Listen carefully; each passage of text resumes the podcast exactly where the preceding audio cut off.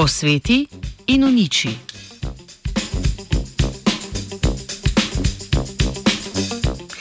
Danes poročamo o študiji ameriške raziskovalne skupine, ki je proučevala uničevanje endometriotičnega tkiva s pomočjo nanodelcev in svetlobe.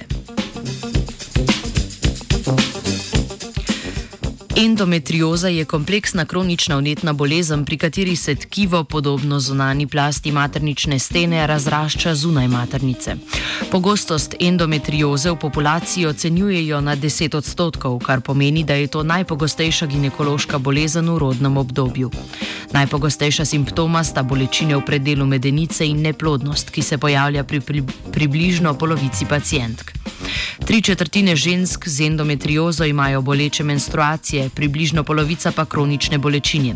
Pogoste so tudi bolečine pri spolnih odnosih. Točen vzrok endometrioze ni poznan. Trenutno tudi še ni terapije, ki bi vsem pacijentkam omogočila dokončno ozdravitev, pač pa zdravijo posamezne simptome.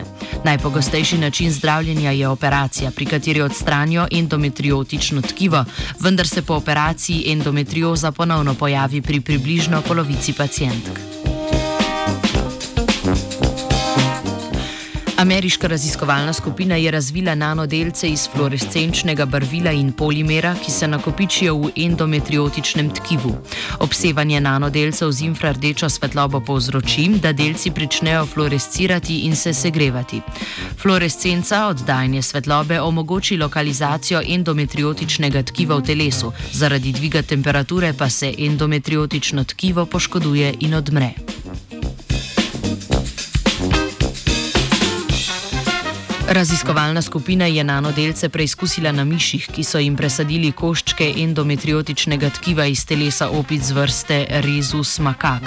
Presaditev tkiva je povzročila poškodbe tkiva pri miših, podobne tistim, ki jih endometrioza povzroča pri opicah.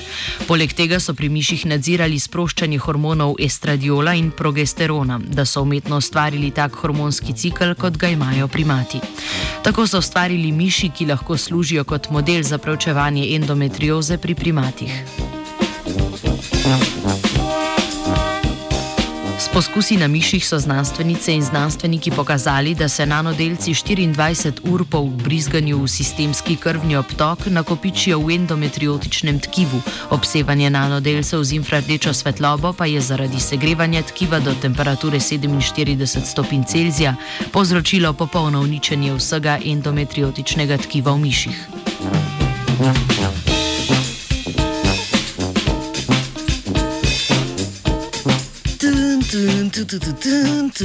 Z laserjem je posvetila Angelika.